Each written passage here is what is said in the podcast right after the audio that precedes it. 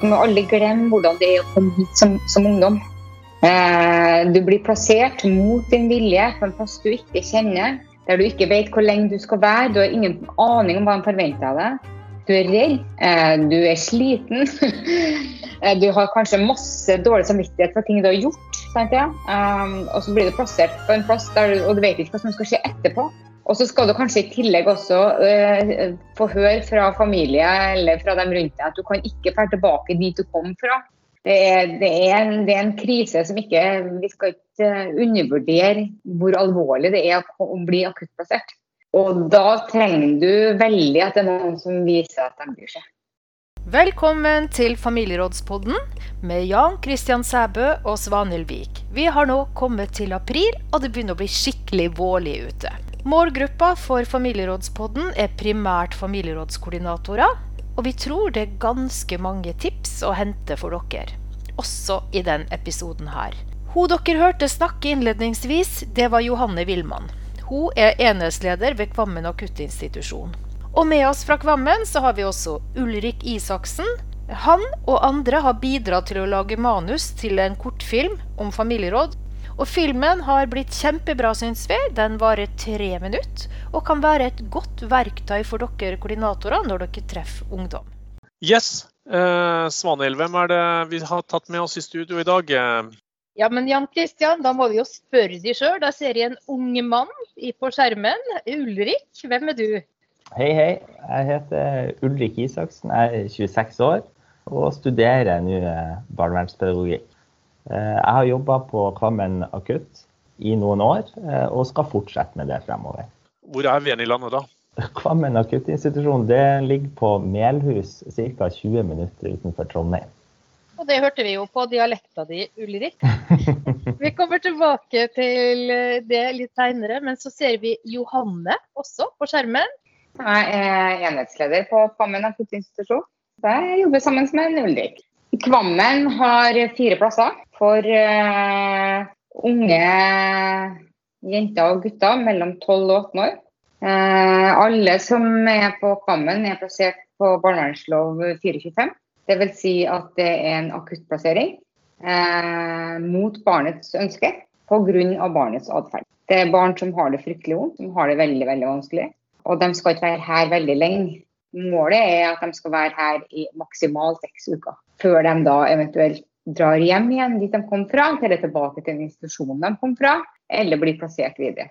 Nå er det ikke alltid sånn at det går inn seks uker, for det er mye som skal på plass. Det å være akuttplassert er ganske kritisk for et barn. Det er ganske tøft for barn, det er ganske vanskelig. De er i sånn limbo-situasjon. De er verken det ene eller andre. og De vet ikke hva som skal skje, og det er ikke noe godt. En akuttinstitusjon der de skal være sånn maks seks uker, da, ideelt sett kanskje. Hvordan uh, tenker man om familie- og nettverksarbeid når det er en så kort fase? Vi jobber veldig mye med familienettverk. nettverk. allerede ved inntak så jobber vi med familienettverk. nettverk. det som heter også er at I og med at det er en akutt institusjon, så kjenner vi ofte barnet kanskje i to timer før det kommer. til oss så kommer de i full fart. Eh, så vi har ikke gjort noe forarbeid rundt dem. Eh, og kjenner ikke til familien i utgangspunktet. Men allerede i inntaksarbeidet så begynner vi å jobbe med familienettverk. Eh, ofte når de kommer, så er det jo veldig betent. Familien og barnet er ofte i konflikt når de kommer. Eller at de er slitne av hverandre, eller lei av hverandre, eller har sagt og gjort ting mot hverandre som ikke er greit. Sant, ja? Eh, selv om barnet har vært plassert, så er det ofte betent og vanskelig med familien når de kommer, for da har det krisa seg. Sånn at Vi presser jo ikke på når, vi, når barnet kommer til oss, så er jo hovedpunktet å stabilisere og trygge barnet. Hvis det kommer et barn, hva gjør dere i forhold til familie og nettverk? Nei, altså Allerede i inntaksprosedyrene våre så er det jo nettverkskart som er et tema, bl.a. Det her med hva, hvem har du nettverket. Før de kommer inn, så, vi, så ber vi om navn på, og telefonnummer til pårørende. Så Det har vi allerede før de kommer. Noen ganger er jo familien med òg. Vi lager nettverkskart. At uh, ungdommen sjøl setter seg ned og tegner en sirkel. da. Hvem er det som står nær meg? Hvem er det jeg føler som betyr noe for meg i mitt liv? Eh, så nettverkskartene er også veldig fine å, å bruke da, videre for å følge opp. Og så kan dere familieråd. Dere har brukt familieråd. Er, hvordan bruker dere det? I hovedsak så motiverer vi jo ungdommene. Eh, vi ønsker jo å gjennomføre et eh, familieråd. Det er mange ungdommer som er plassert på Kvammen, som allerede har hatt familieråd tidligere, når, de kommunale barnevernstjenestene har vært involvert. Men dersom vi tenker at der fokuset må ligge på en akuttinstitusjon, det er ikke å finne de, de store løsningene. Dette hvem kan du flytte til hvis mamma blir syk, eh, hvem, hvem skal kjøre deg på fotballtrening. Familieråd på akuttinstitusjon er nødt til å handle om hvem kan stille opp for meg her og nå hvem kan passe på, eller hvem, hvem, er det som tenker på meg? Eh, hvem er det som kan ringe meg og prate med meg når jeg har det tøft? Hvem er det jeg får lov til å møte når jeg er plassert på Kvammen? Hvem er det som kan hjelpe, meg at tida mi på akuttinstitusjonen blir bedre og enklere? Men uh, Ulrik, uh, hva er liksom rolla di på akuttinstitusjonen? Nei, uh, Tidligere så har jeg jobba som ja, miljøterapeut da, med hovedkontaktansvar. Eh, sammen med resten av gjengen. Og da kan du komme i en eh, posisjon da, der du får anledning til å snakke med eh, ungdommen om familieråd.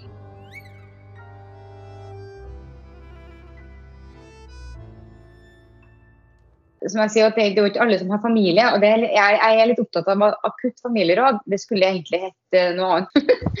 Fordi at det er ikke alle som har familie. Og det er ikke alle som har familie som kan være der for dem. Men da har man kanskje en lærer eller en nabo eller foreldrene til en klassekompis eller noen andre som kan være der, eh, og som kan stille opp. Johanne, jeg synes jo du har et veldig sånn, godt poeng altså, i forhold til at det begrepet familieråd var jo på en måte satt en gang for alle før i hvert fall jeg og Jan Kristian var involvert i det. Men men der man skjønner at begrepet kan egentlig ødelegge litt, så bare mm. skynde seg å kalle det et familie- og nettverksråd. Og liksom betone at i noen saker så er det jo nettopp det med Nettverket er minst like viktig i den saken. Det tror jeg er kjempesmart. Tenker du at det er lett å få med kommunene på, på familieråd? Generelt tenker jeg nei. Være, de tenker ofte at det ikke er hensiktsmessig. Fordi, og det er ofte, og det, det, kan jeg også forstå, fordi at det er ofte så kritisk når de kommer til oss. Og Det betyr ikke at kommunene tenker at de aldri skal ha det, men de tenker ofte at ikke akkurat nå, vi må vente litt. Men uh, jeg opplever ikke at det er veldig lett å få med kommunen på det. Så er det noen, noen som er lettere å få med enn andre, selvfølgelig. Men, men jeg, jeg, skulle ønske at de, var, de ønska det mer. Merker dere noe forskjell i uh, samarbeidet med familiene i de sakene dere får til familieråd enn i andre saker? Gjør det noe forskjell for dere? Det gjør vel en ja, det... forskjell for ungdommen. Uh, det er jo da ungdommen som har noen å lene seg på. Mm. Uh, det, det, handler ikke om, om hvordan vi jobber. Vi, vi, kan legge til rette for samvær. Vi kan legge til rette for bruk av, av leiligheten vår f.eks. Og det vil gjøre en forskjell for, for ungdommen. Det er jo heller den vi ser på. Og, og, i de sakene der familieråd ikke lar seg gjøre, så er vi veldig opptatt som Johanne sier, av å bruke dette nettverkskartet. Hvem er det som står der nær? Og det er jo de samme prinsippene som når man velger ut hvem som skal være med i familierådet. Så det er hvem er det som betyr noe for deg? Og, og det, kan, det som Ulrik sier, at det kan være de små tingene eh, fra noen litt lenger ut i nettverket, som har en telefon, om det er en gammeltante, eller om det er en bestemor, eller om det er en bestemora til ekskjæresten. Hva som helst kan det være innimellom. Sant? Ja, som du vet at du kan ringe til å snakke med, og, og, som kan være der for deg. Som ikke er en betalt ansatt på en institusjon som du egentlig ikke kjenner så veldig godt. Det leder meg jo inn til å spørre, eh, Har dere noen sånne eksempler på hva som er spørsmålene i disse familierådene? Det er jo ungdommen som, som skal være med, og, og det er ungdommen sine spørsmål. Det er ungdommen sitt familieråd. Eh, så det er jo hva ungdommen ønsker. Det kan jo være hvem kan ta meg med på restaurant en gang i uka, til eh, hvem kan jeg ringe på torsdagskvelden når det er litt tøft. Men det som er med spørsmålene knytta til disse akutte familierådene, det er at de, de, må være ganske enkle. Det trenger ikke å være noen kompliserte, avanserte spørsmål. Enkelt og greit. Her er meg, se på meg, hvem kan stille opp for meg? Og da dukker det opp mange flere enn hva man egentlig, eller i hvert fall ungdommene, har forventa. Eh, og det er jo det som vi prøver å formidle egentlig i filmen vår. Det er jo det her med Oi, etter jeg hadde familierådet, så så jeg jo at det var jo faktisk mange som brydde seg om meg. Målgruppa vår er koordinatorene. Har dere noen tips til koordinatorene? Hva, hvis dere skulle ha sagt noe til koordinatorene i dette landet? Jeg tenker sånn Helt umiddelbart så tenker jeg når man skal opprette og gå i dialog med med våre ungdommer, så ikke gjør det her noe avansert. Det her skal være så enkelt og greit, og det skal være så lite ting de her ungdommene trenger å forholde seg til. Av klokkeslett og datoer. Kan jeg ringe på det tidspunktet? Kan vi gjøre en avtale? Nei, snakk med institusjonen, snakk med oss. Når passer det? Når er vedkommende ikke på skole eller ikke på dagtilbud? Så kan vi være med å legge til rette for når et møte eventuelt kan passe. Og, og bruk institusjonen til å forberede eh, ungdommene. Eh, for det er institusjonen som kjenner, ja, kjenner ikke ungdommene så godt, men bedre enn en koordinator. Veldig enig. og det er klart at Jo mindre det blir krevende det blir for ungdommene, jo lettere er det å få dem med. Jeg legger lista lavt og ta heller et, eh, et kort lite enn ingenting. Mm. Altså, og, se, og tenk hva er viktig for barnet. Er det mm. viktig for barnet at det er noen som kommer på besøk, eller er det viktig for barnet at det er noen som kjører det til, til trening, eller blir med og går en tur i byen, eller hva er det som er viktig? Det å skape håp, altså Du var jo inne på det, Johanne. Du, du brukte et ord. altså Det å skape håp i familien på at dette kan bli bedre. Um. Ja, for det er jo også noen fortvila, familie bak her. sant? Ja, ofte så er det jo foreldre som er, er nulløst fortvila over at de ikke har fått til det de ønsker å få til. Skal de ikke ha fått hjulpet barnet sitt på den måten barnet trenger. Sånn at uh, de trenger også håp på at det mm. her, det her kan bli bra. Jo, men samtidig så tror jeg også kanskje mange foreldre kjenner på, på, en lettelse. Vet du hva, Nå har vi stått i det her så lenge, og vi har prøvd og vi har prøvd, og, og vi får det ikke til. Så jeg tror det også, ja, jeg er helt enig, det er mange foreldre som sitter med en avmaktsfølelse. Men jeg tror også den kanskje er kombinert med en slags lettelse. At åh, i natt så, så, så, skal jeg, så, skal ikke jeg følge med om noen kommer seg hjem. Det er på en måte den der, nå skal vi endelig få hjelp. Så jeg tror det er en, lett, en del lettelse hos foreldrene også. Vi opplever jo i all hovedsak gode samarbeid med foreldre.